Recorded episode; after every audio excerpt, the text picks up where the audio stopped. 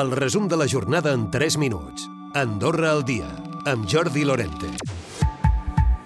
L'IPC avançat del mes de desembre, ha acabat amb el 4,5%, per tant, és amb el que s'acabarà el 2023. De fet, fa un any va arribar a estar al 7,1%. Això, recordar la xifra, té implicacions molt directes, per exemple, en les pujades salarials. L'augment del cost de la vida és degut al preu dels carburants, eh, que ha anat a la baixa els darrers mesos. En aquest sentit, ha pogut disminuir del 5% del novembre a aquest 4,5% del desembre. L'exconseller conseller general del PSC, Joaquim Miró, serà el nou responsable, el nou conseller de Finances del Comú de la Capital. Ho ha explicat aquest dimarts en una entrevista a Ràdio Nacional. Ha parlat de la contesa electoral del passat 17 de desembre, on ha dit que segurament va perdre vots demòcrates per la qüestió de l'habitatge. O si potser amb el tema de l'habitatge s'hagués escoltat més la gent, eh, els senyors i els nostres amics de DEA no tindrien o, o, no, o potser haguessin tingut uns resultats diferents.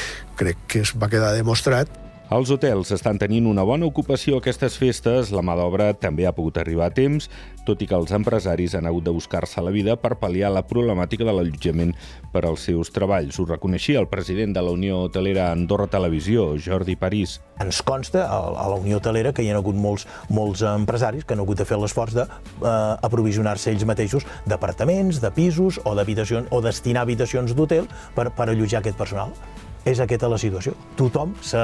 ho han fet les mateixes estacions d'esquí i tot això és una...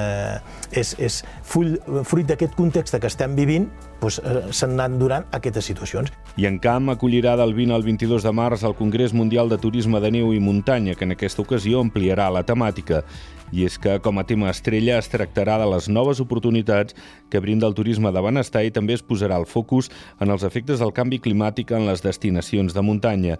També s'afrontarà la realitat propiciada per les noves tecnologies que faciliten les reserves i proporcionen més controls als turistes sobre les compres. I la policia va detenir la nit de cap d'any un lladre en recerca des del 2018. Cometia els furs en apartaments turístics de Canilló i Encamp i aprofitava quan no s'havia tancat la porta amb clau. En el moment de la seva detenció, l'home sortia també d'un immoble. Entre el novembre i el desembre va cometre una quinzena de robatoris amb un valor de 100.000 euros. La policia li va trobar joies i rellotges de gamma alta.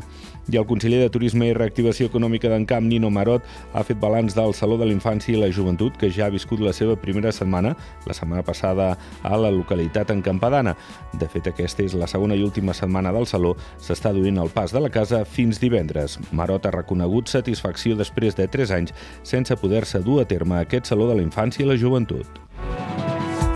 Recupera el resum de la jornada cada dia a AndorraDifusió.d i a les plataformes de podcast.